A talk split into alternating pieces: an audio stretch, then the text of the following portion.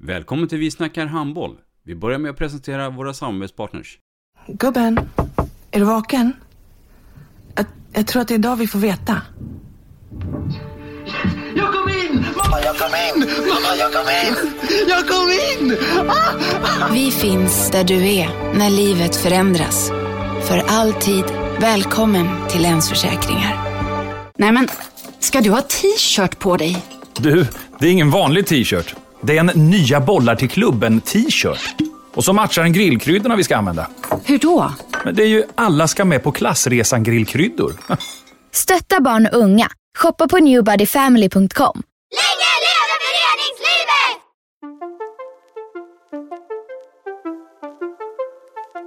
Välkommen säger vi till dig som lyssnar till den bästa handbollspodden. Vi snackar handboll med Robban Z och gäster.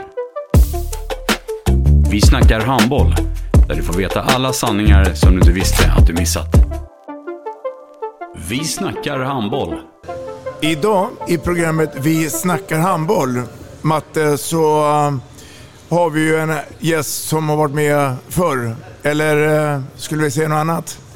Nej, men vi har en gäst som varit med om väldigt, väldigt mycket och gjort en uh, stor gärning för, uh, som tränare och framförallt inom svensk handboll, både på klubbnivå och uh, på förbundsnivå. En Jan, ledare. Jan Rune Proppen Karlsson, född 5 april 1957. Mycket, mycket varmt välkommen. Tack så mycket. Kul Vem är. Proppen Karlsson? Ja, du beskrev ju lite grann där eh, redan. eh, Men jag är väl en, eh, en person som eh, tycker mycket om handboll. Eh, Nybliven pensionär eh, som nu då ägnar mitt liv åt handboll och en liten del golf. Så mm, innan är jag väl, ja i grunden är jag lärare så jag jobbar som lärare ganska många år och sen har jag jobbat ganska många år som handbollstränare. Mm. Ta oss nu från början. Jag tänker inte riktigt från 57. Men hur allting började? Familj? Du är ju från Jönköping. Ja, jag är, Hallby är min moderklubb eh, och det var där jag startade min, idrotts, min korta idrottskarriär eh, som aktiv. Eh, nej, jag har ingen familj, jag är ensamstående och det har väl kanske varit en anledning till att det varit lite lättare att flytta runt en del som jag också har gjort ju. Eh, Både i Sverige och i Norge. Eh, Men annars då så Jönköping som sagt var vuxit upp där och gick lärarhögskolan där och eh, den tog mig sen då till Skövde när jag var ja, färdigutbildad. Var du Gu- Guds bästa barn i skolan? Eh, Jag ställde nog inte till några större problem för lärarna, det tror jag inte. Men Gillar du skolan? jag gillade vissa ämnen.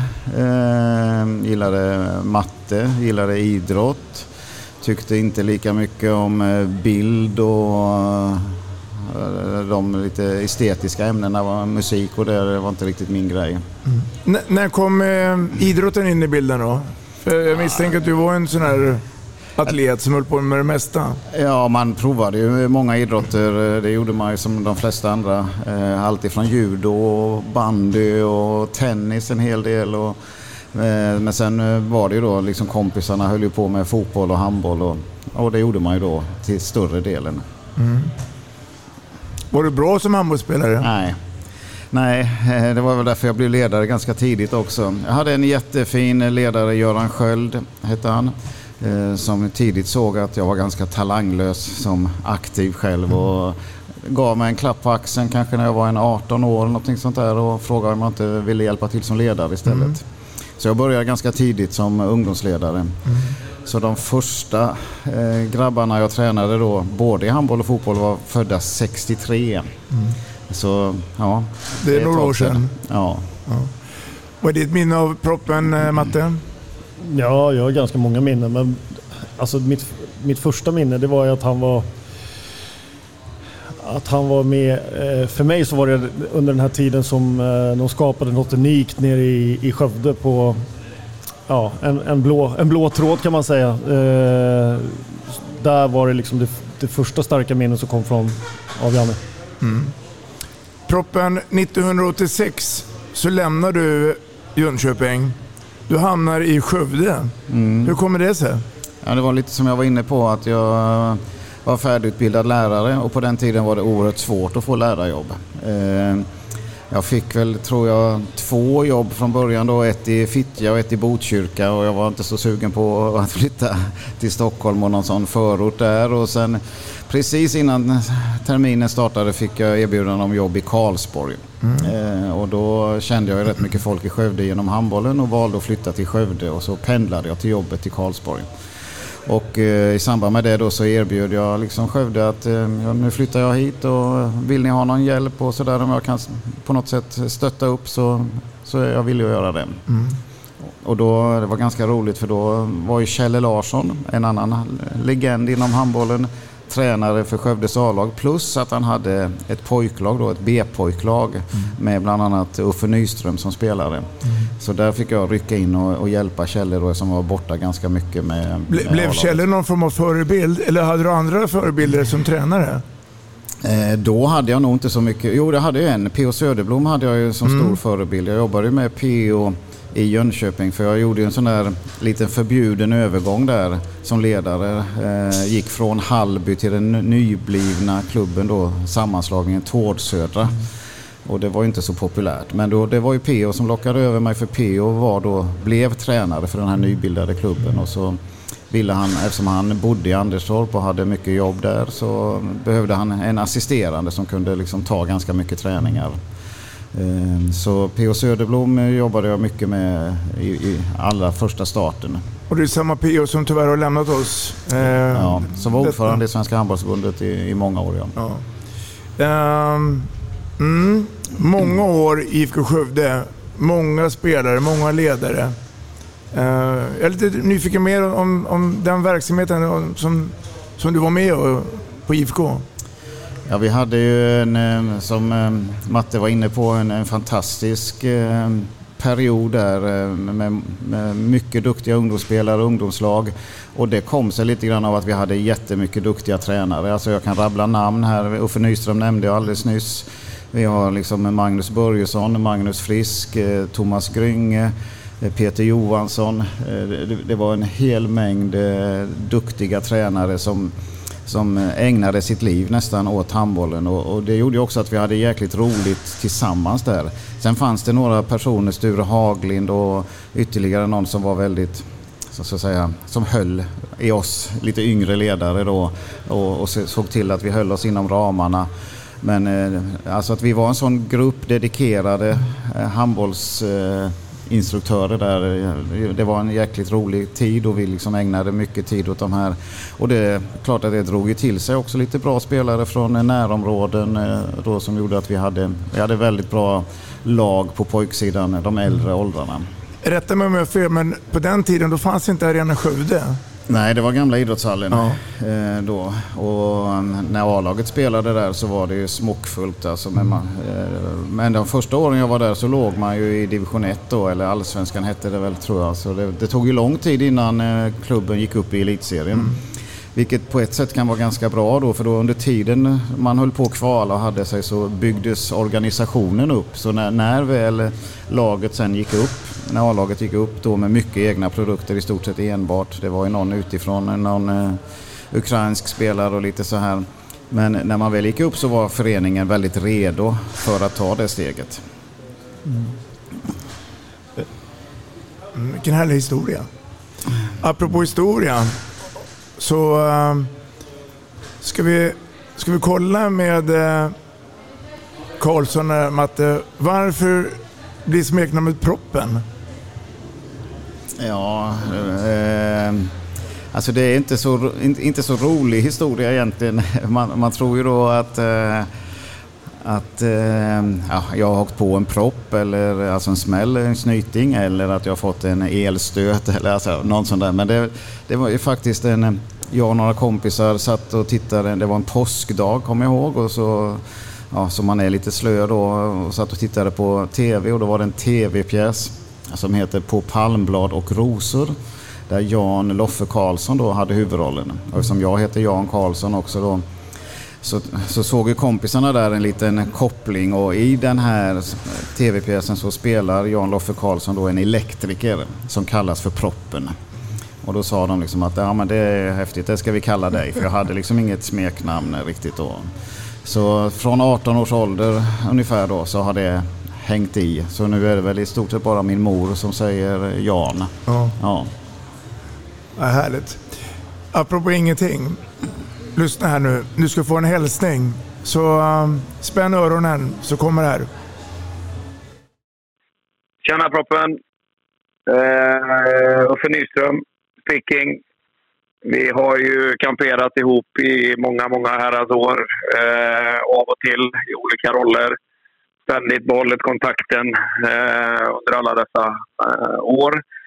Eh, så när jag fick eh, frågan från Robban om att, skicka en hälsning till dig så blev jag ju eh, glad naturligtvis och tänkte att jag skulle passa på och tacka för lång och trogen vänskap. Men även eh, eh, naturligtvis att du har eh, hjälpt och stöttat och supportat inte bara mig i min handbollsgärning utan många, många andra tränare, ledare, spelare inte minst. Eh, Eh, både i Sverige och, och, även i Norge att, att eh, uh, utvecklas, ta kliv, hjälpa dem pedagogiskt, metodiskt, uh, hjälpa dem, supporta dem, stötta dem i såväl medgång som motgång. Och betytt, tror jag, oerhört mycket för oerhört många människor i vår idrott.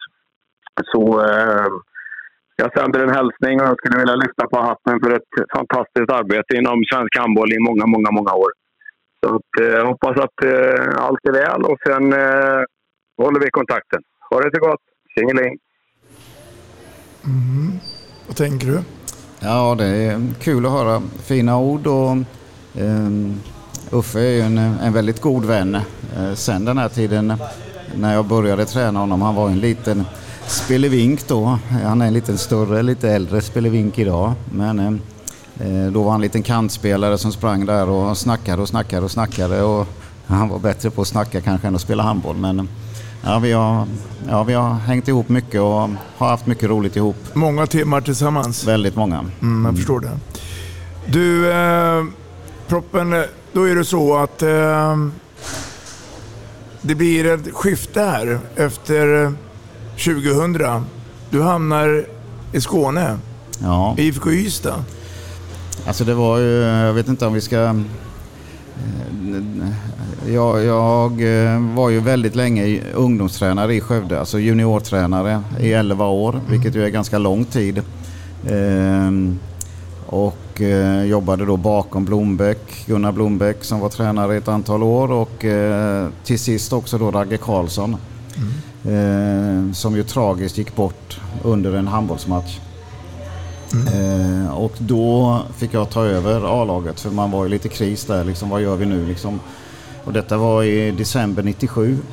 Och eh, sen hade jag då A-laget fram till, som du är inne på, 2000. 2000. Ja. Eh, då flyttade också Blombeck hem igen. Han hade varit på lite mm. utlandsäventyr i Schweiz och i Norge och så vidare. Och, eh, eh, jag hade gjort då ja, två och ett halvt år. Eh, och så hörde eh, Ystad av sig, IFK Ystad. Mm. Blev du överraskad?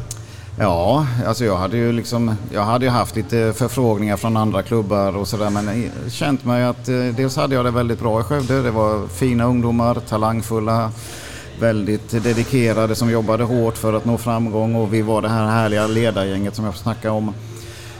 Och så var jag kanske lite osäker på min egen, ja, klarar jag av det här och tar det här steget och sen då när när Ragge gick bort så ja, då var jag liksom nästan tvungen att ta det där steget. Och det gick ju hyggligt bra i varje fall. Eh, och då kände jag lite, med, lite mer mogen när Ystad hörde av sig att, att ta steget fullt ut eh, mm. och flytta på mig. Mm. Så då var det fem år i IFK Ystad. Mm. Vad tänker du Matte?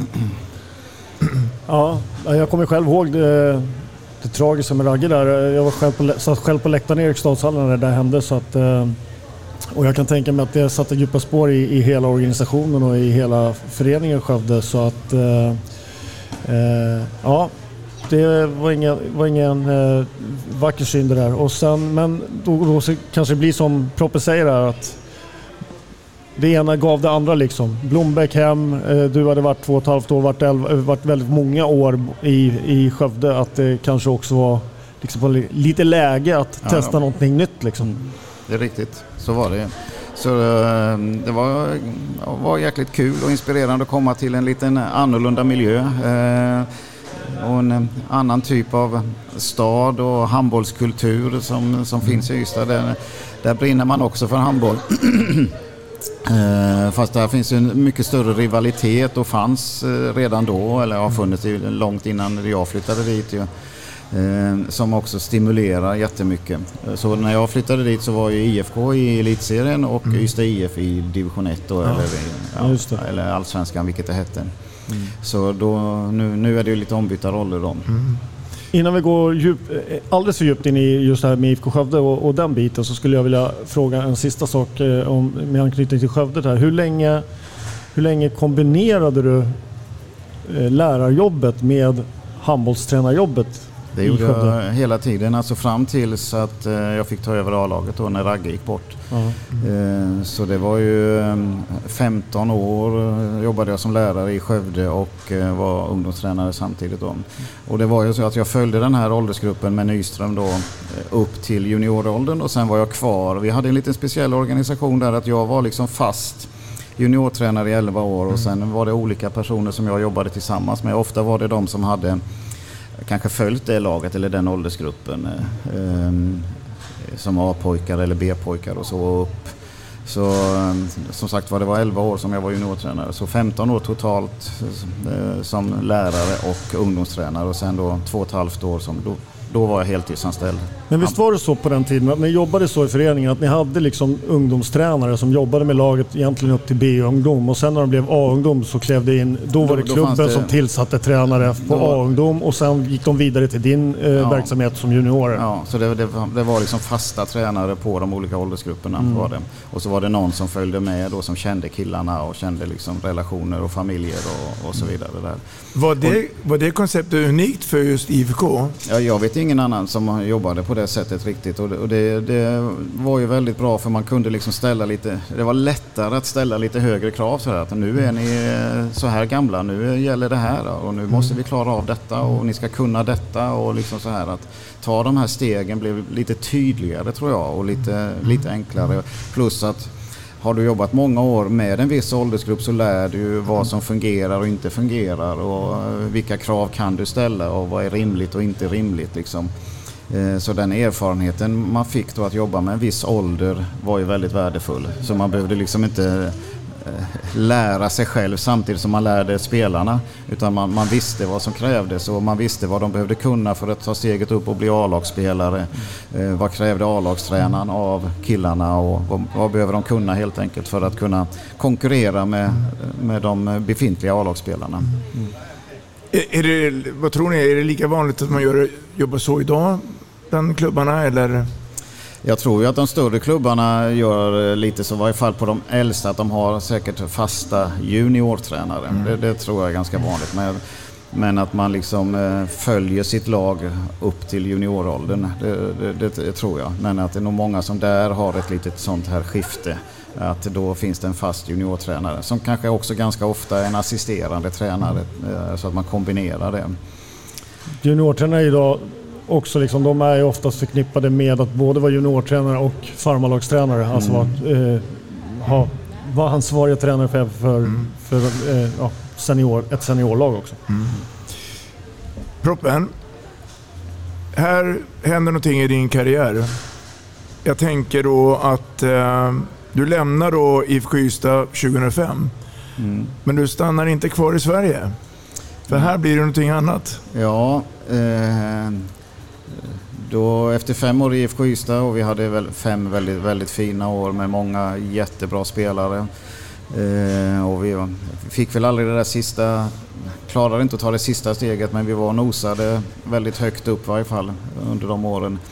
Eh, och under de åren, det var lite, lite kul sådär för då hade jag några förfrågningar från Danmark faktiskt. Mm. Men eh, Dels så var ju då den svenska ligan lite vassare än den danska. Mm. Så jag tyckte att, nej men, och vi hade ett väldigt bra lag som sagt var i, i Ystad. Så, men efter fem år så började ekonomin sätta sina gränser och de hade svårt att behålla både spelare och mig som heltidsanställd tränare. Och då dök det här med Norge upp som ett alternativ och, och Haslum som kommer från Bärums kommun utanför Oslos utkant. Mm. Men, men har man agent på den tiden nej, eller var det någon som nej, ringde då från nej, Haslum och sa hej? Nej, jag har aldrig haft någon agent så. Utan eh, jag vet inte hur de riktigt det har inte frågat så egentligen hur de fick tag i mitt namn så det, det vet jag faktiskt inte. Nej. Nu Matte, eh, så skulle ju ni kunna prata lite norsk eh, handboll ett tag för att eh, du har ju också en erfarenhet. Men, men, men lite skämt vid sidan, ni får jättegärna höra det. Men att lämna då Sverige, tryggheten och, och hamna då i Norge. Eh, det gör jag nyfiken på hur, hur var det? Det var ju väldigt givande eh, och så här i efterhand är jag ju otroligt glad att jag tog det steget. Det var lite, lite osäkert för norsk handboll och herrhandboll hade ju inte riktigt den eh, statusen då som Nej. den har idag. Det var ju norsk damhandboll som stod på topp liksom. Och, och, i Norge tyckte man ju då i varje fall att handboll var en eh, damsport liksom. Mm. Eh, fick jag ju lära mig sen när jag väl kom dit. Eh, men eh, det, det, var, jag haft, ja, totalt är det åtta år i Norge och jag är fantastiskt glad för de åren. Och har fått många vänner och trivdes otroligt bra i Norge. Mm. Och Haslum var ju en förening som precis hade gått upp i högsta ligan och de hade gjort det med att de hade värvat in många etablerade spelare. Eh, som var på dekis helt enkelt. De hade sett sitt eh, för, bäst före-datum men de hade ändå en viss kunskap så de hjälpte klubben upp. Men när vi väl var där uppe så ville de liksom inte träna och satsa tillräckligt mycket utan då fick jag göra en liten en, en smärre revolution där. Och liksom, för de hade en fin ungdomsverksamhet och då var det spelare som Erlend Mamelund och lite sådana här som eh, jag gav en mycket större roll eh, och, eh, bytte ut mycket av de här då äldre spelarna som hade tagit upp laget till mm. yngre, ärgiriga, hungriga spelare. Ja.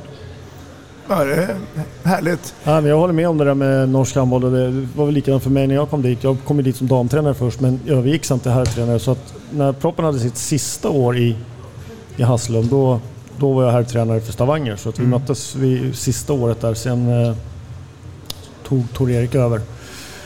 Tom-Erik? Tom-Erik Skarpsnor ja. Mm, som jag jobbade har jobbat ja, många år med och som, eh, som eh, är tränare där just nu också faktiskt. Ja. Som har varit där i olika omgångar. Mm. mm. Och, och um, norsk, eller förlåt, svenska handbollsspelare då, var, var, det då lite populärt att ta sig över till um, norska sidan och spela handboll där? Det var inte så vanligt eh, faktiskt. Det har blivit vanligare nu efterhand som norska ligans kvalitet har ökat och ekonomin blir större och så vidare. Men, men eh, så då fanns det inte så mycket svenska spelare när jag kom där. Eh, Eh, det, det, gjorde faktiskt inte. Hade du den möjligheten att kunna dra till några svenska spelare? Jag tog ett par Skövdespelare där. Eh, Marcus Littborn och Peter Karlsson ja. som kommer från Skövde då. Eh, tog jag dit de två sista åren sen ja. Mm. Mm. Men det blir då tre säsonger. Tre du hade velat fortsätta? Eller vad hände ja, Det var lite där? samma sak där att eh, man hade inte riktigt råd att ha en heltidsanställd tränare. Jag jobbade i, i och för sig delvis på handbollsgymnasiet där också. Mm. På NTG heter det då, Norges toppidrottsgymnas som det kallas. Eh, vid sidan av men ekonomin tillät inte riktigt det. Och, eh, nej, så då, eh, och jag ville ju liksom satsa på handbollen på heltid. Och, så då, då skildes våra vägar och så ja, ringde telefonen igen. Då. Mm. I den här tiden av din tränarkarriär så, så misstänker jag också att du är hela tiden nyfiken fortfarande, eller så är det nytt och, och, och tar med sig saker som man kanske har gjort mindre bra och man vill göra ännu bättre. Absolut. Är, är det en stor skillnad på Proppen Karlsson i det här skedet kontra då när du var i, tidigt i IFK Skövde? Utan tvekan. Alltså, man lär sig och utvecklas hela tiden. Och det låter förmätet att säga men jag tror eh, som bäst tränare var jag ju kanske mitt sista år i, i Bäckelaget. Mm. Alltså när jag var aktiv seniortränare på heltid. För eh, det är en process där man hela tiden utvecklas och tvingas utvecklas och ta nya tag och, och lära sig saker. Och eh, handbollen utvecklas ju väldigt snabbt. Alltså, inte bara genom den re de regeländringar som har gjorts utan spelarna blir ju bättre tränade. Det finns större ekonomi. De kan eh, ägna mer tid åt träning och att förbereda sig och återhämta sig. Och liksom så fysiken ökar och tempot ökar. Så, och då måste du givetvis som tränare hänga med i den utvecklingen också. Um, efter Haslum så blir det ju en session till Sverige igen. Du var inne på Bäckelaget, vi kommer till det. Men du hamnar i Malmö. Mm. Um, och får uh, hoppa in där. Ja, efter Per Carlén. Ja, vi kan ju säga det. Så det, det, var lite speciellt. Det kan man ju säga så här nu i efterhand. För jag valde då mellan att bli skåning i Trelleborg eller skåning i Malmö. Och då hade ju, som du säger, Malmö hade åkt ner i Allsvenskan eh, och Trelleborg låg i elitserien. Och jag pratade med båda klubbarna och träffade båda klubbarna och så här. Och det är klart att jag, jag ville gärna träna i ett elitserielag. Mm. Eh, och efter mycket om och men så sa jag ja till Trelleborg. Eh, men den natten så kände jag att det här är inte riktigt rätt alltså. Eh, Trelleborg var en klubb som var lite på nedgång. Malmö visste jag inte riktigt var den stod men jag kollade upp ganska mycket. Och, så på morgonen så ringde jag till Trelleborg och sa att nej, jag, jag har ångrat mig. För jag hade inte skrivit på någonting eller så. Mm. Jag hade sagt, sagt ett muntligt ja men de förstod ju att ja, det här blir inte rätt om jag kommer dit mot min liksom, övertygelse. Och så ringde jag Malmö och frågade då om erbjudandet fanns kvar och, och det fanns det. Så, så då hamnade jag i, eh, i Malmö istället och, och det är jag väldigt glad för. Och förde upp dem? Ja, då lyckades vi vinna allsvenskan eh, direkt första året där. Och det var ju när Kristianstad startade sin satsning, tog dit eh, Klaus Kjellgård och började göra sin större satsning. Så det, det var jäkligt strångt att vi med en ganska liten budget och vi fick hitta spelare lite både här och var och eh, fick ihop det väldigt bra och gick upp i elitserien och tog oss till slutspel direkt sen också i elitserien. Vilka, vilka, vilka, spelare, vilka, vilka år var det här och vilka spelare pratar Detta vi om? Som är du... alltså år 2008 till 2013 var jag i, eh, i Malmö. Så jag spelade, det var inte så mycket välkända, namnkunniga spelare. Mirsad eh, Persikosa mm. eh, hade ju varit utlånad till Hammarby där när de Just tog SM-guld. Eh, men det var ju en kort eh, utlåning från Karlskrona och sen var han klubblös där och så jag pratade med Staffan där och han gav honom goda rekommendationer så han lyckades vi få till oss och blev ju en, en värdefull spelare. Så ehm, det var eh, ja, ett hårt arbetande, fightande lag helt enkelt som slöt sig samman och bestämde sig för att vi ska fan upp igen. Liksom. Men det var mycket, mycket Skånespelare eller? Ja, det Aha. var mycket Skånespelare. Mm. Och det var ju, när de åkte ur elitserien där så hade de ju ganska mycket utländska spelare. Det var från Island och från Östeuropa och eh, forna Jugoslavien och sådär. Och alla de eh, försvann ju då. Så därför fick vi liksom försöka pussla ihop. Och då hade ju Malmö inte någon ungdomsverksamhet överhuvudtaget. Alltså. Så det fanns ju liksom ingenting underifrån du kunde plocka upp heller direkt. Utan vi fick hitta, hitta spelare lite överallt och givetvis de som var kvar i Malmö då, de spelarna fick vi bygga på. Jag, jag tänkte precis säga det, för att Malmö är ju en relativt ung förening, ja. alltså HK Malmö.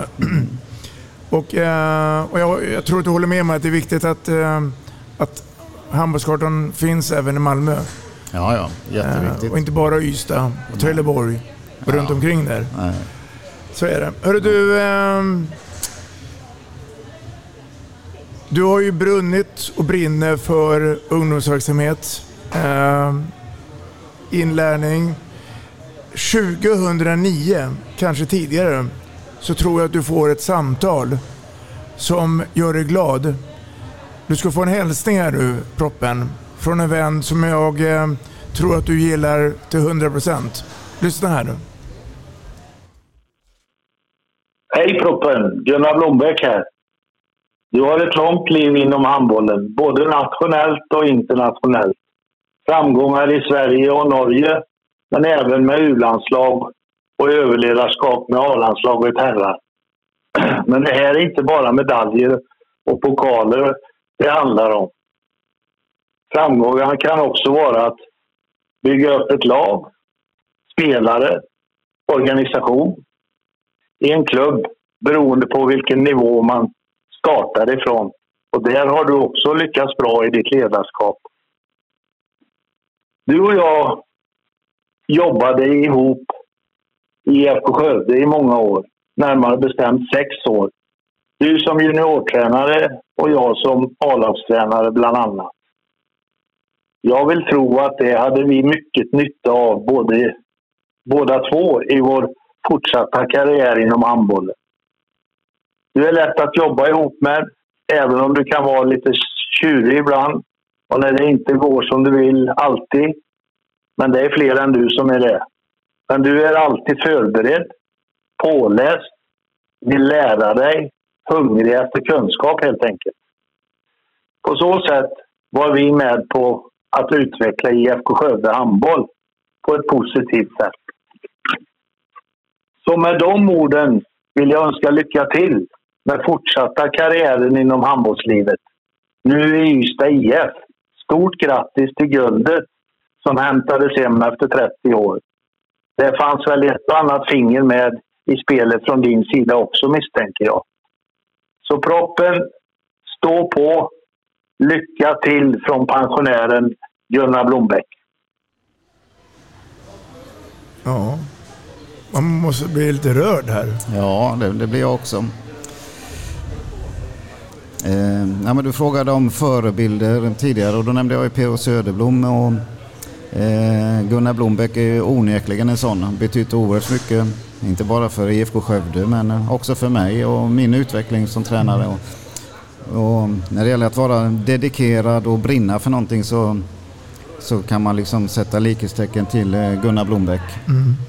Så Gunnar Eh, och också Ragge Karlsson, det är två helt skilda ledartyper. Eh, men, eh, men som har betytt jättemycket för mig och min fortsatta ledargärning. När han, när han säger att du kan vara lite tjurskallig där då? Alltså, Ja, för jag, jag personligen har aldrig sett dig, aldrig sett dig förbannad. Nej, men det är det många som har gjort alltså. Ehm, ehm, Men jag tror att det, det krävs liksom ett engagemang och att man brinner för någonting. Och har man inte den här att man vill väldigt mycket och därmed också reagerar, eh, kanske ibland lite för mycket åt ena och andra hållet. Men, men eh, det handlar ju om en lidelse och eh, att man vill, vill framåt och vill väl liksom för det man jobbar för. Och det, och och när den försvinner helt, eh, då är det nog dags att sluta. Sen får det givetvis inte ta överhanden så, men det, eh, har man haft en, en tråkig förlust eller en sur förlust på något sätt med ett mål eller vad det nu är för någonting så eh, sitter det ju i liksom tills nästa dag när man träffar killarna igen på nästa träning. Då kan man liksom eh, aha, bearbeta det där genom att man tar en ny träning och man tar nya tag tillsammans och så vidare och så kan man gå vidare. Va? Eh, vi pratade om det förut idag med några andra som är här från Ystad. Att, ja, har man inte den lidelsen då, då ska man nog inte hålla på längre. Då får man hitta en annan roll på något sätt. Alltså lite mer i bakgrunden och vid sidan av. Mm. Känner du igen snacket, Matte? Ja, absolut. Det är så som i, vår, i våran lidelse och glädje som idrottsledare så, så är det ju... Vi ställer ju ganska höga krav och framförallt på prestation. Och är det så då att man inte tycker att det levereras på, på den nivå som vi själva har ställt som kravbild, både som grupp och som individer, så, så är det klart att eh, det har väl funnits någon gång när topplocket har gått även för mig i det fallet. Mm. Jag tänkte att vi skulle ta ett annat ämne och det är ju ledarskap, tränare. Tränarrollen idag, 2022, och så backar vi tillbaka. Ni får välja hur många år ni vill, så är det stor skillnad. Ni kan hålla en egen liten dialog här nu. Det är stor skillnad, proppen. Ja, det är jättestor skillnad. Alltså, idag eh, förväntar man ju sig som spelare eh, en väldigt snabb framgång. Man ser ju eh, på vissa som har, det har gått otroligt snabbt för. Jag vet inte om man kan ha Lukas Nilsson eller eh, om man håller sig till Ystad då Jim Gottfridsson och de här som lite ungdomsstjärnor som direkt kommer upp i A-laget och levererar. Eh, eh, Ludde Hallbäck och, och, så vidare om, man då, om vi håller oss till Ystad som sagt var.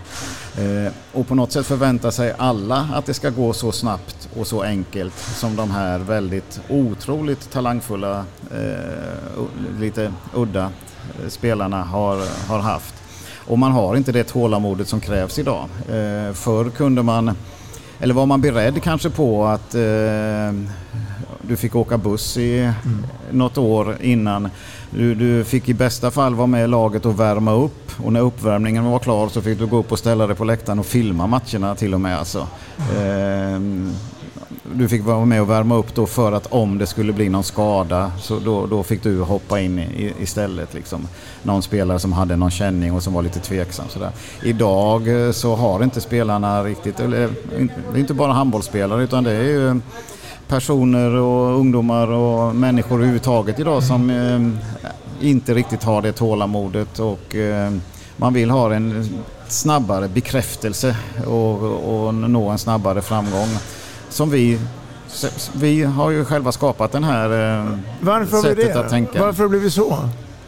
Ja, det är ju ja, det är en jättesvår ja. fråga. Alltså. Det idolskapet och förväntningarna från hela samhället i, i allting. Liksom, att du ska nå snabb framgång. De här sociala medierna där du då promotar de framgångsrika och när de lyckas i vad det än gäller för någonting. Alltså, så, så är det ju de som lyfts fram och då, då tror alla att, eller andra att det är normen. Att det är så det ska vara. Och man förstår kanske inte att den gemene normala spelaren, eller vad det nu är, måste jobba i många, många år väldigt hårt och man måste vara beredd och underkasta sig det som krävs för man kanske inte har den här supertalangen eller den spetskompetensen som krävs och då får man kanske jobba eh, jobba med de egenskaper man har men, men det tar längre tid och det tycker jag är väldigt synd då att, att eh, där försvinner väldigt många. Eh, och det pratas ju om i alla idrotter att det, det, är så många spelare som försvinner och de försvinner tidigare och tidigare. Alltså mm. Förr pratade man kanske om 20 år och sen var det 18 år och nu försvinner de när de är 16 år och kanske 14 år. Så um, ja, det är nog en samhällsförändring som måste till. Jag vet inte vad Matte det, säger. Det, det, du nämner nu, det hör man ju rätt ofta, men jag, jag får mest uppfattningen att det är mer på tjej och flicksidan, eller flick, flick och tjejsidan då, att de slutar tidigare. Men du, du vill påstå att det är även på det är även på pojksidan. Jag tror det är, det är, lite, lite tydligare kanske på tjejsidan. Eh, även om jag inte har jobbat så mycket på, eller inget alls på tjejsidan så, så märker jag ändå att där slutar man ändå tidigare. Och då, kullarna blir mindre och mindre för varje år som går. Jag vet inte hur Matte ser på det. Som... Jo, det finns ju sanning i det. Jag har precis samma uppfattning egentligen. Och det, det kanske finns en, en, eh, både en naturlig och en onaturlig sanning i det där. Och det är väl också, jag, jag kan tycka att idag så, finns, så är det så här att klubbarna runt om i... i det, det naturliga i det, det blir att klubbarna är, är liksom, det finns ingen riktig liksom, verksamhet för de som kanske inte riktigt vill elitsatsa utan de som vill kanske hålla det på en lägre nivå och spela med sina kompisar bara för att det är kul. Mm.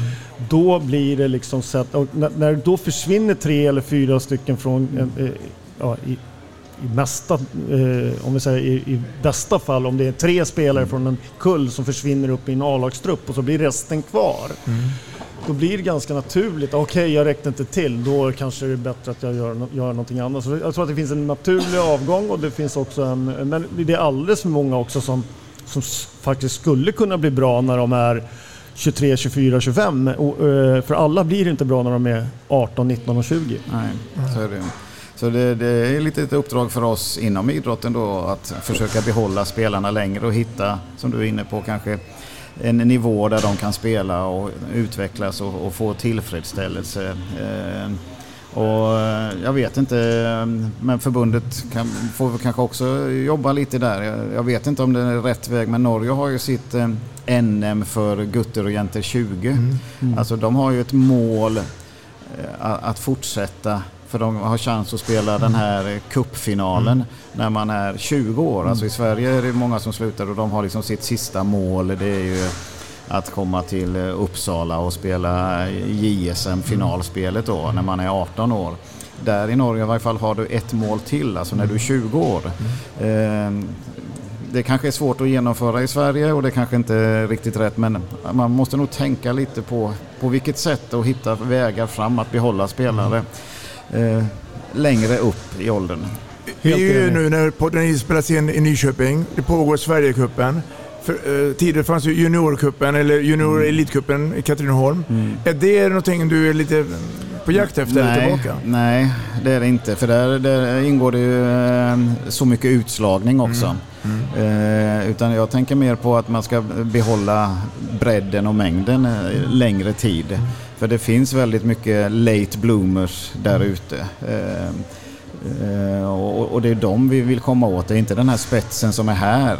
Eh, de, de kommer att fortsätta ändå. Och de, det gäller ju de här som har slagits ut från de här uttagningarna till de här distriktslagen. Det är de vi ska få att ha motivation att fortsätta träna och jobba hårt för de kommer också kunna utvecklas. Så de som är här, de har ofta sin motorväg och kan köra på där, mm. många av dem. Mm. Det är de andra som är viktiga att fånga upp. Mm. Vad säger Matte, håller du med? Ja, jag håller med. Jag tycker att liksom det, det finns alltså, vi spelar till junior-SM i Sverige men eh, internationellt så spelar man eh, juniormästerskap och sen är det ungdomsmästerskap där man är lite äldre. Och, eh, jag tycker man kanske ska försöka gå hand i hand med det att även på nationell nivå i Sverige att vi spelar med eh, ja, nationella mästerskap upp till ungdoms... Mm. som är 20. Mm.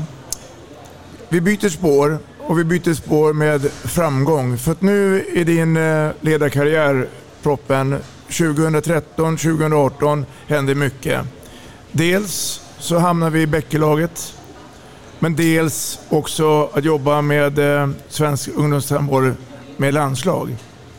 Eh, innan du ska eh, få berätta nu så ska du få ytterligare en hälsning.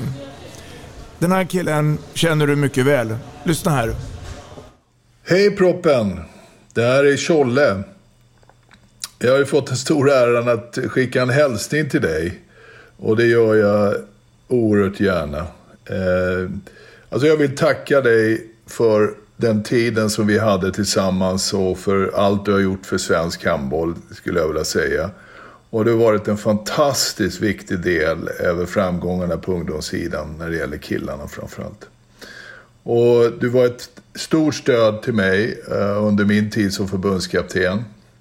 Eh, och jag har lärt mig massor eh, av dig. Så det vill jag verkligen tacka för, proppen. Och sen har vi haft mycket roligt. Jag hade den stora äran att få jobba tillsammans med dig med pojkar 80-81. Eh, det var en fin resa och en eh, magiskt roligt hade vi som ledare. Jag fick chansen att ta med dig och Magnus Börjesson och Anders Lundin och Eh, vi hade fina framgångar med det laget till slut. Eh, kom trea i VM. Och, eh, så jag, eh, jag vill tacka dig jättemycket för det intresset du har för, för vår idrott och för det du lär ut och eh, dina enorma framgångar själv på handbollsplanen. Men eh, framför allt att jag har fått lära känna dig. Eh, det var ett tag sedan vi hördes nu, men eh, ja, du har betytt mycket för mig. Var rädd om dig så eh, hörs vi snart. Ha det bra. Hej. Ja, Charlie Ström. Ja, Berätta vi... relationen här. Vi kan nog bocka av ett namn till då i den där listan av förebilder. Alltså för eh, Charlie är en fantastisk ledare. Eh, verkligen, alltså han är ju föreläsare och kursutbildare och eh, en, en fantastisk människa helt enkelt som eh, är är väldigt mån om andra människor. Eh, och hans tankesätt då att ja, inkludera och att få alla att må bra är eh, otroligt eh, värdefullt och lärorikt. Mm. Så vi, vi, som man är inne på där, jag hade ju fått någon gång vikariera på J-landslag och så med Blombeck och Leffe Widfors. Och det är ju en viss ledarstil och sen Eh, blev vi då en grupp ledare där som Tjolle tog in Eh, Eh, som han berättade om Magnus Börjesson och Anders Lundin och jag. Vi var ju ganska nyblivna elitserietränare alla tre som han eh, ville hjälpa till då att ta nästa steg och att vi skulle få på det sättet internationell erfarenhet med att jobba då med det här J-landslaget då födda 80-81 eh, med Jonas Kjellman och, och grabbarna där. Så det var som han är inne på, vi hade så jäkla roligt alltså. Det, en fantastisk, fantastisk tid det var det. Mm. Tre gånger har Sverige vunnit U21-VM. 2013 tänker jag på. Då tror jag att du kommer väcka lite känslor hos dig. Vad händer då? Eh, jag är dålig på åren där. Men jag antar att du är ute efter att när eh, vi vann med VM 92-93. Det är helt eh, rätt. Ja, i, i, i Sarajevo mm. Eh, var det. Och eh, vi slog Spanien i final med ja, Alex Dusjebajev bland annat. Vi hade slått dem i gruppen med tio bollar. och sen mötte vi dem igen i final och, och lyckades vinna där också. Mm. Och många av de där spelarna, jag tänker de svenska och de motståndarna, är ju nu gångbara på den stora marknaden. Ja. Vad tänker man då? Ja, det är kul att se de här alla namnen eh, och, och duktiga spelare som eh, växer fram. Alltså, vi hade ju ett, ett otroligt lag och det var ju man ska inte förglömma då att då tackade faktiskt både Hampus Wanne nej. Mm. Eh, han hade gått till Flensburg och ville vara med på den satsningen och vara 100% i deras uppbyggnad, liksom Jim Gottfridsson. Mm. Eh, men det öppnade ju istället dörrar då för andra spelare att ta större roller och större ansvar. Josef Piol, eh, Olle Forsell Schäfert, Robert Månsson, eh, Albin Lagergren, Peter Johannesson mm. i mål eh, och så vidare. Vi hade många, många, många bra spelare. Eh, så det var... Ja, den, den tiden lag. också som... Och det, det, där ska jag säga också, där hade, jobbade jag då ihop med Magnus Andersson under det året. Mm. Och ehm, eh, han, han, hans taktiska kunskap eh, och blick för spelet eh, var ju en otrolig hjälp och del i den framgången. Mm. I takt med den tiden så jobbar du också som överledare längre fram. Den rollen då hur, hur, hur var den? Ja, det är också det är liksom en prestationsmiljö i dess yttersta bemärkelse, A-landslaget i handboll. Eh, att få vara med där och jobba är ju mm, väldigt stimulerande. Alltså det är ju duktiga spelare, otroligt duktiga ledare, en, en mycket större organisation. Vi var ju runt A-landslaget då en, ofta en 10-11 ledare plus då kanske mellan 16 och 20 spelare. Så det var en, en ganska stor grupp och som överledare där så har man ju ansvar då för mer eller mindre logistiken. Alltså att allt ska flyta. Liksom, de ska ju bara liksom, spelarna ska ju inte behöva Inga bekymmer liksom. Mm. Maten ska stå dukad, hallen ska vara bokad, bussen kommer i tid. Alltså allt, all logistik egentligen är det då med resor och hotell och, och mat och träningar och matcher och sånt där. Mm. Så det är ju bara att, att man, man är en serviceperson då liksom som ser till att allt flyter. Eh, men med, med när Christian, jag var ju dels lite med Staffan och Ola men framförallt med Christian Andersson då och Bokvist så hade vi ett fint ledarteam eh, med många duktiga ledare också. Mats Olsson, Frasse mm. jobbade med videoanalys och så här. Så det, ja, det, var, det var mycket handbollskompetens i ledarstaben så man lärde sig otroligt mycket under den mm. tiden. Mm. Ragge, Bengan, Staffan-Ola, Christian. Charlie. Många goda ledare. Och nu Glenn Solberg. En norrman som kommer till Sverige med framgångar. Ska vi spåna lite grann vad vi tror om VM 2023? Eh, jag tror att Sverige har alla chanser. Eh, jag var ju med i ett hemma-EM som tyvärr blev ett litet fiasko. Mm. Eh, för vad är det nu? Är det fyra år sedan? Eller? Ja. Och eh, det, det, tror jag inte det blir nu för man har ju en... Ja, rollerna är lite tydligare. Eh, laget är lite mer eh, satt eh, och de har varit i den här sitsen tidigare, många av de spelarna, att de har varit på ett hemmamästerskap som är lite speciellt med den förväntningar som byggs upp och den press som blir på spelarna. Nu har många av de här spelarna varit med om detta innan och man har också rönt stora framgångar sedan det mästerskapet. Mm. Så jag är väldigt optimistisk när det gäller det landslaget. Även om konkurrensen givetvis är väldigt hård. Och det såg man ju nu senast när man blev mästare att man var ju nära att gå på pumpen. Eh, var det både mot Tjeckien och mot Norge. Eh, men hade marginalerna med sig och eh, det stärker ju ett lag också när man kan vinna de där jämna matcherna. Och, och det gör ju också att, ja, att jag har väldigt stor tro på, på Sverige i, i hemma-VM. Matte, att eh, jaga eller bli jagad. V vad tycker du om det? Jag tänker alltså för Sverige här nu. Ja, jag tror inte att man känner sig så jagade heller för att man vet också om att, det, att i toppen av här, framförallt herrmästerskapen så är det väldigt, då är det, väldigt, det är liksom 6-7 lag som kan mm. alla gå till semifinal och, och det är kanske fem av de här sex lagen som, kan, som är, kan vinna och att det är små marginaler.